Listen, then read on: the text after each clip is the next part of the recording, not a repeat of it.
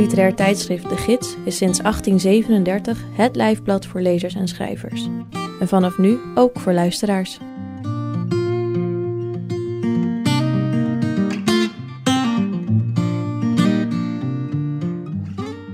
In sprekende letteren hoor je verhalen, poëzie en persoonlijke essays uit het oudste en grootste literaire tijdschrift van Nederland, De Gids. In deze aflevering leest schrijver Rob van Essen zijn verhaal Werelden zonder angst uit de gids 2019 In het verhaal gaat een schrijver in residentie bij een instituut waar enkele medewerkers hem onder hun hoede nemen. Ze nemen de schrijver mee de straat op en laten hem zien wat hun werk inhoudt: het wegnemen van angst. Rob van Essen schreef dit verhaal ter ere van de 300ste publicatieverjaardag van een van de eerste Engelstalige romans, Robinson Crusoe van Daniel Defoe. Luister mee naar Rob van Essen vanuit Brussel, de stad waar ook het verhaal zich afspeelt. Werelden zonder angst. Als je het water wegdenkt, woonde Robinson Crusoe op een berg, zei Merkelbach. Maar ik moet eerder beginnen. Dit is een kort verhaal. Ik heb met de gedachte gespeeld er een roman van te maken, door dat wat ik meemaakte in een groter en grootser kader te plaatsen. Met meer personages, verzonnen personages ook. Met meer beschrijvingen van stadslandschappen. Van de wind die tussen de hoogbouw op ons neerzuisde. Met meer couleur lokaal, met meer avontuur. Met een verhaal, een plot. Maar zo'n roman heb ik niet in me. Het zou voelen alsof ik profiteerde van de gebeurtenissen die ik zo meteen zal beschrijven. Alsof ik de werkelijkheid misbruikt heb voor mijn eigen doeleinden. Het schrijven van een volgende roman het te snel af zijn van een dreigend writersblok. Dus heb ik het kort gehouden. In feite is het eerder een verslag, een reportage geworden dan een verhaal. Misschien heeft u er wel iets van meegekregen destijds. Ik geef toe. Ik doe nu net of het jaren geleden is gebeurd. Alsof alles wat ik ga beschrijven al verjaard is. Alsof ik geen enkel gevaar meer loop en u ook niet. En voor u klopt dat wellicht, maar ik kan elk moment onder vuur worden genomen ik heb dus ook helemaal geen tijd om hier een roman van te maken. Laat ik eerst vertellen hoe ik bij het instituut in de oude wolkenkrabbers bij het Noordstation ben terechtgekomen. Dit was in de tijd, niet dat hij nu voorbij zou zijn, dat elk instituut of bedrijf en elke instelling of ministerie zijn eigen schrijver en residentie wilde hebben. Verder hadden schrijvers niet zoveel functie meer in de samenleving of daarbuiten. Veel mensen lazen nog wel, maar toch vooral dingen die ze zelf hadden geschreven. Als je in de Delhaize iemand mompelend de items op zijn boodschappenbriefje hoorde opnoemen, dacht je al: schrijver leest voor het eigen werk. Waarom al die instituten en instellingen schrijvers in hun kantoren en laboratoria wilden hebben rondlopen, was me aanvankelijk niet helemaal duidelijk. En ik weet het nog steeds niet precies. Misschien verleende het een nostalgisch soort prestige, gebaseerd op de positie die schrijvers vroeger in de samenleving innamen. Misschien was het een geheime overheidsoperatie en kregen ze er subsidie voor. Ik heb er nooit naar gevraagd. En ook als ik collega's tegenkwam, vroegen we daar niet naar.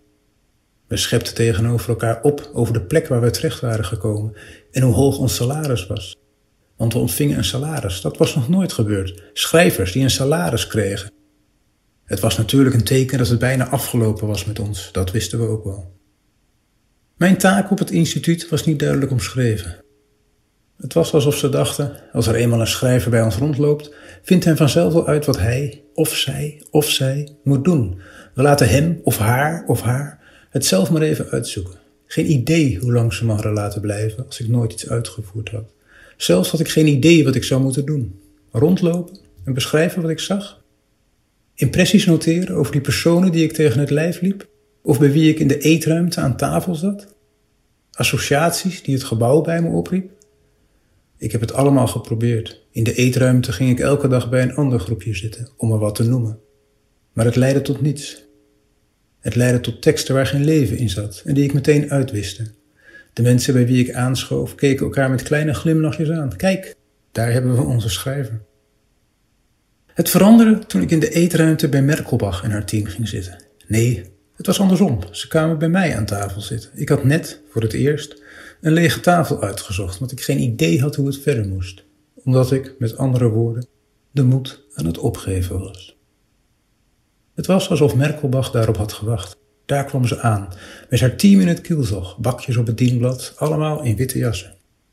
Zo, schrijvertje, zei ze, zijn deze plaatsen nog vrij? Een vraag kon je het eigenlijk niet noemen. Ik kon het wel hebben dat ze me schrijvertje noemde, van haar wel. En bovendien liet ze het bij deze keer, daarna noemde ze me gewoon bij mijn naam. Ze was groter en breder dan ik. Vergeleken met haar was ik ook echt een verkleinwoordje. Ze had korte krullen die dicht tegen haar hoofd groeiden, alsof ze haar hersens warm moesten houden. Als ze lachte zag ze er niet nors uit. Maar lachen deed ze niet veel. De leden van haar team waren een stuk jonger dan zij en hadden namen als Hans, Mathilde en Zacharias. Er zaten ook twee Yvonnes bij en een Karel. Maak je niet druk, zei Merkelbach. Als je ons wegdenkt, zit je hier weer gewoon alleen. Dat was mooi gezegd, maar hoe zou ik zo'n gezelschap kunnen wegdenken? Ik wilde me ook helemaal niet voorstellen dat ze weg zouden zijn. Ik wilde meteen al bij ze horen. Ik besloot dat dit mijn team zou worden. En natuurlijk hadden ze mij uitgekozen. Niet ik hen, maar wat deed dat er nu toe? Ze namen me mee naar buiten en gaven me een wapen. Ze vertelden zelfs op wie ik moest richten. Maar dat was later, toen ik al een tijdje bij ze rondhing. Toen wist ik meteen waar al die namiddagen op de schietbaan toe hadden gediend. Ik had gedacht dat het met verbroedering, met concentratie te maken had. Al meteen de eerste vrijdagmiddag namen ze me mee naar beneden, naar de kelder, waar de schietbaan was. Ik leerde snel en was daar zelf verbaasd over. Waar hielden Merkelbach en haar team zich mee bezig? Ze brachten angst in kaart. Ze maakten gebruik van bestaande netwerken, maar ze hadden ook eigen apparatuur en sensoren. Hans, Mathilde, Zacharias en de rest verdwenen bijna elke dag naar buiten om ergens iets op te hangen of af te lezen. Merkelbach bleef binnen en volgde op grote en kleine schermen wat ze aan het doen waren. Ik mocht overal bij zijn. Ze hadden geen geheimen voor me. En ik vroeg me af waarom ze niet bang waren dat ik alles wat ik hoorde zou publiceren. Was het dan niet controversieel wat ze deden? De monitorstaat rukte op. Blijkbaar moest nu ook onze angst in beeld worden gebracht. En wat zou er dan gebeuren? Kalmerende middelen in ons drinkwater? De dosis aangepast aan het gemiddelde angstniveau van de wijk, de straat? Er was onrust genoeg. Ik zou een belangrijke stem kunnen worden in het debat. En dus vroeg ik me al gauw af waarom ik hier rondliep. Waarom al die instituten en laboratoria schrijvers op hun werkvloeren hadden toegelaten. Uit achterloosheid, verveling, of was het een manier om ons in te kapselen? Wisten ze dat er van schrijvers niets meer te vrezen viel? Ik begon te vermoeden dat het hele programma om schrijvers bij bedrijven onder te brengen een test was. Niet van die bedrijven, maar van ons, de schrijvers die bij die bedrijven waren ondergebracht. Deze gedachte, het idee dat alles om ons schrijvers zou draaien, was natuurlijk het toppunt van de machteloze megalomanie waaraan schrijvers in het diepst van hun gedachten leiden. De hele wereld is een setup gericht op de vraag hoe ik erop zou reageren. Ik maakte verslagen, thuis en op het werk, maar mijn hart lag er niet in. Ik zag mezelf niet iets schrijven dat de buitenwereld wakker zou schudden. Misschien was iedereen al wakker, wat wist ik ervan? In ieder geval wist ik dat al die schrijvers geen enkele bedreiging vormden voor die bedrijven en instituten, waar die zich ook mee bezighielden. Omdat de schrijvers die nu, die nu leefden eenlingen waren, observatoren zonder klauwen of tanden, zelfberoemde ballingen in de marge, dat wij het eindpunt waren van een evolutie die ons binnen een paar generaties uit het centrum van de gemeenschap naar de rand had geschoven. Van de straat naar de stoep, van de stoep naar het bankje in het park, het gras onder de boom. Ik ging zelden met Hans, Mathilde en Zacharias naar buiten. Liever bleef ik op kantoor bij Merkelbach, terwijl ze zacht hummend haar schermen controleerde, of vergaderen met geldschieters of met mannen en vrouwen met functies die ik nooit achterhaalde, omdat ik er niet naar vroeg. Ik maakte aantekeningen die ik thuis weggooide zonder er nog naar te kijken. Het enige wat me bezighield was Merkelbachs gewoonte haar gesprekken te verluchten met de uitspraak: Als je X wegdenkt, dan. De constructie die ze ook had gebruikt toen ze bij onze ontmoeting in de eetzaal had viseerd haarzelf en haar team weg te denken, opdat ik weer alleen aan tafel zou zitten. Het ging me niet om de reden waarom ze die constructie gebruikte. Ik nam aan dat het ging om op quasi bescheiden wijze haar overwicht te laten gelden, alsof zij zichzelf indirect de macht verschafte dingen al dan niet weg te denken. Het ging me om de inhoud. Ik noteerde elke variant en werkte ze thuis uit tot verhalen, waarin ik een situatie beschreef waarin de weg te denken variant X daadwerkelijk verdwenen was, waarvoor die X dan ook mocht staan. Het waren korte, eenvoudige verhalen. Zo schreef ik er eentje waarin ik tijdens een lunch alleen aan tafel zat, zonder dat Merkelbach en haar team mij in mijn overpeinzingen kwamen storen. Het schrijven ervan bezorgde me een vorm van plezier die versterkt werd door het feit dat ik ze met niemand deelde. Ik sloeg ze op in een bestand dat ik Werelden zonder X had gedoopt. De verzameling groeide gestaag en ik had eindelijk het idee dat ik iets deed. Ook al was het triviaal en had het niets te maken met de omgeving waarin ik te werk was gesteld. Ondanks het feit dat ik de verhalen aan niemand liet lezen, kreeg ik op een gegeven moment toch de indruk dat Merkelbach telkens wanneer ze haar favoriete formulering had gebruikt, een ironisch samenzweerderige blik op mij wierp. De kantoren van het instituut waren gevestigd in een van de vervallen 20e eeuwse wolkenkrabbers bij het Noordstation. Ooit had men grote plannen met deze buurt gehad. Nu kwam zelfs de stadsreiniging er nog maar zelden.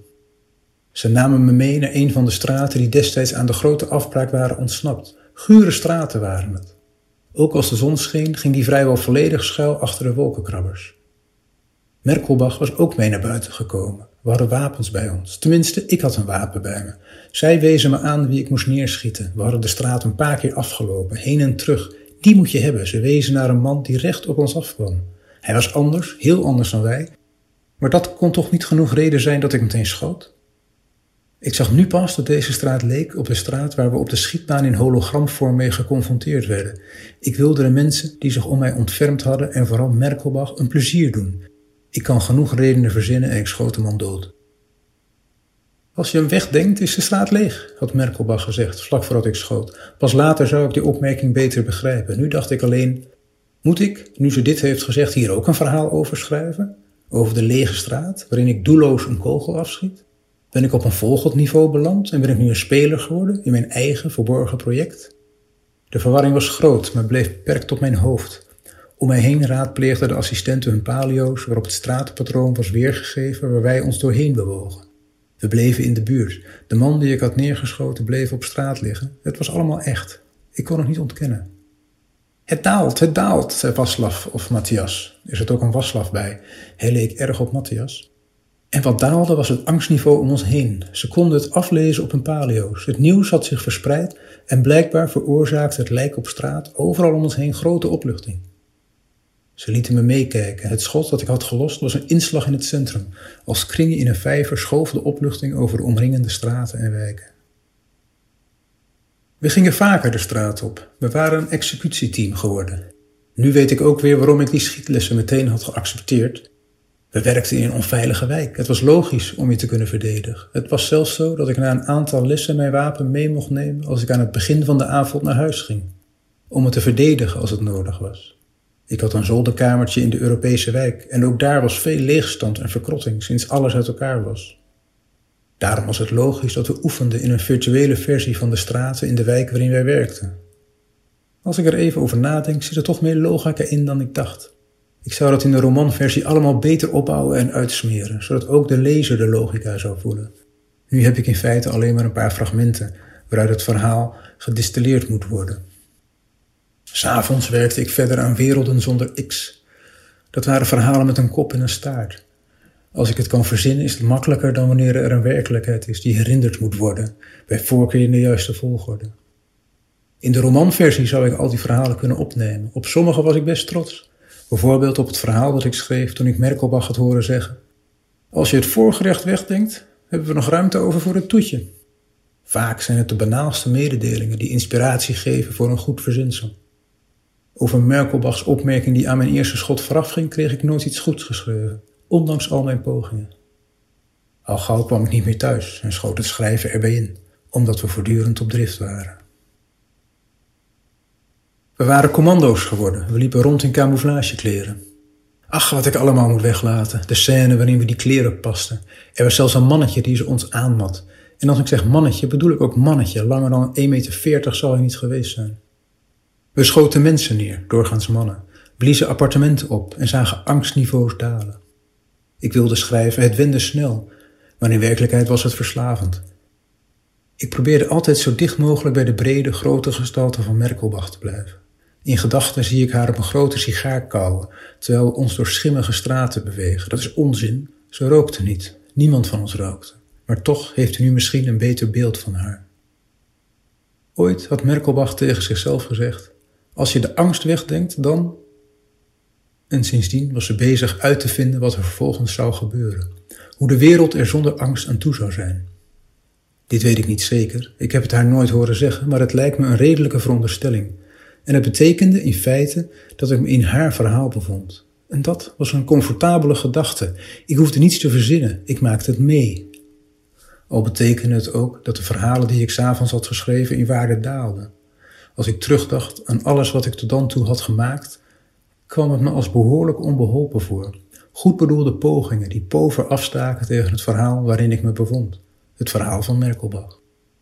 In de romanversie zou ik haar iets laten zeggen als: Het gaat er niet om de wereld in kaart te brengen, het gaat er om haar te veranderen. De volgende wending in het verhaal zag ik niet aankomen. Dat het om onze eigen angst zou gaan. Niet mijn angst, ik bleef een relatieve buitenstaander, de angst van de rest van de groep. Tot nu toe was het altijd om de omgeving gegaan, maar na een van onze liquidaties merkte ik dat Zacharias op zijn palio keek en tevreden vaststelde dat ons angstniveau was gedaald. Ik herinnerde me dat gisteren iets soortgelijks was gebeurd, zonder dat ik het goed had geregistreerd.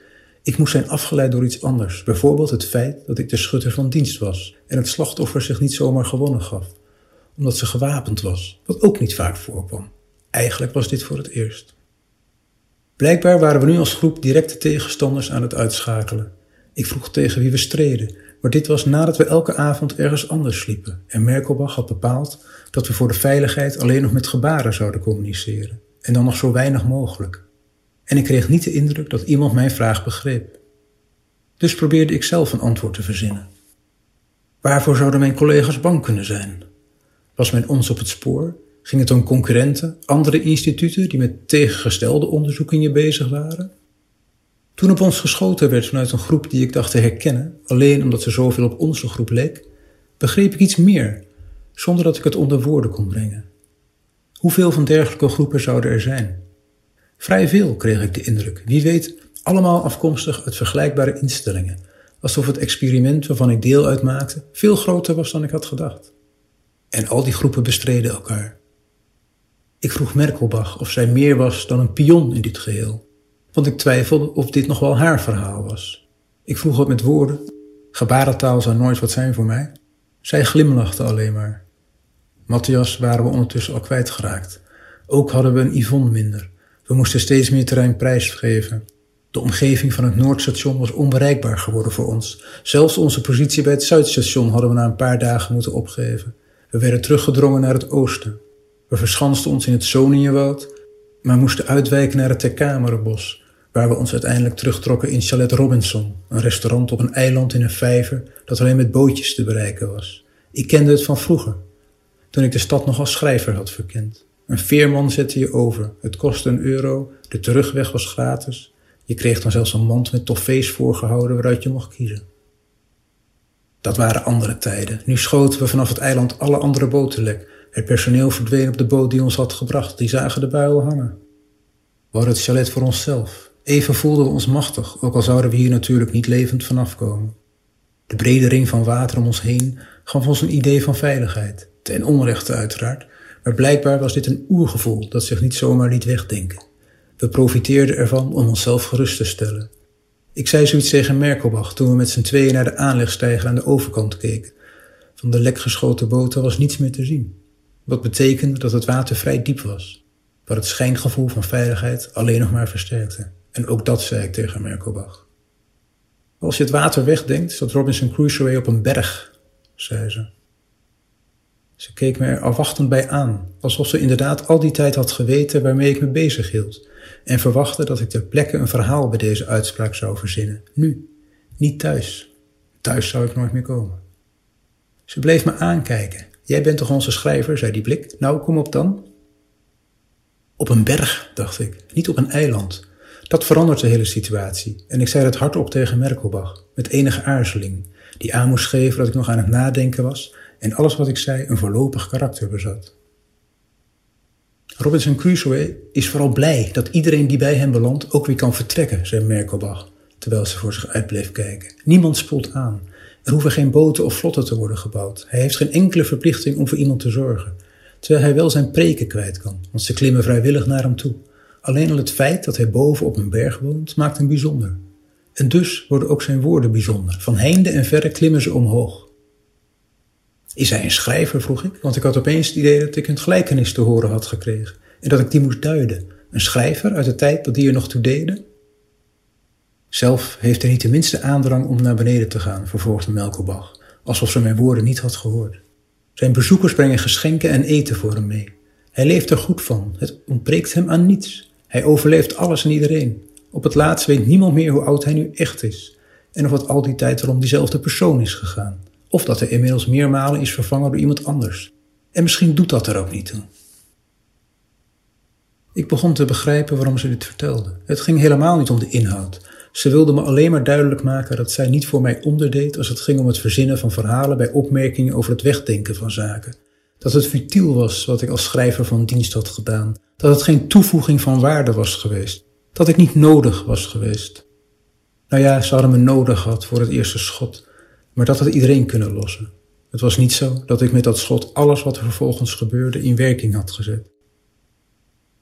Na jaren komt er een schrijver langs om Robinsons verhaal op te tekenen, zei Merkelbach. Ik wist toen nog niet dat ze vijf minuten later in haar voorhoofd zou worden geraakt en ik onder haar hersenweefsel zou komen te zitten. Kijk uit, zegt Robinson tegen de schrijver. Let erop dat je niet beschrijft dat de zee op een gegeven moment verdween. Dat doet af aan het verhaal. Laat de zee bestaan en laat me ontsnappen van het eiland.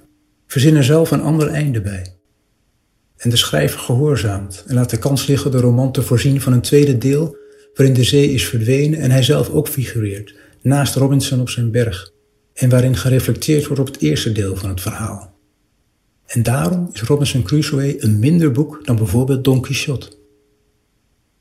Dat laatste begreep ik niet helemaal, omdat ik Don Quixote nooit gelezen had. En het zou er nu ook niet meer van komen.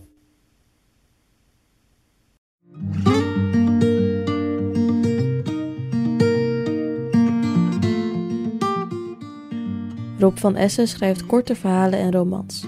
In 2019 ontving hij voor zijn roman De Goede Zoon de Libris Literatuurprijs. Momenteel werkt hij aan de biografie van Menno Wigman. Wil je dit verhaal teruglezen? Dat kan. Alle bijdragen uit de gids 2019-5, dus ook deze, zijn terug te lezen op onze website www.de-gids.nl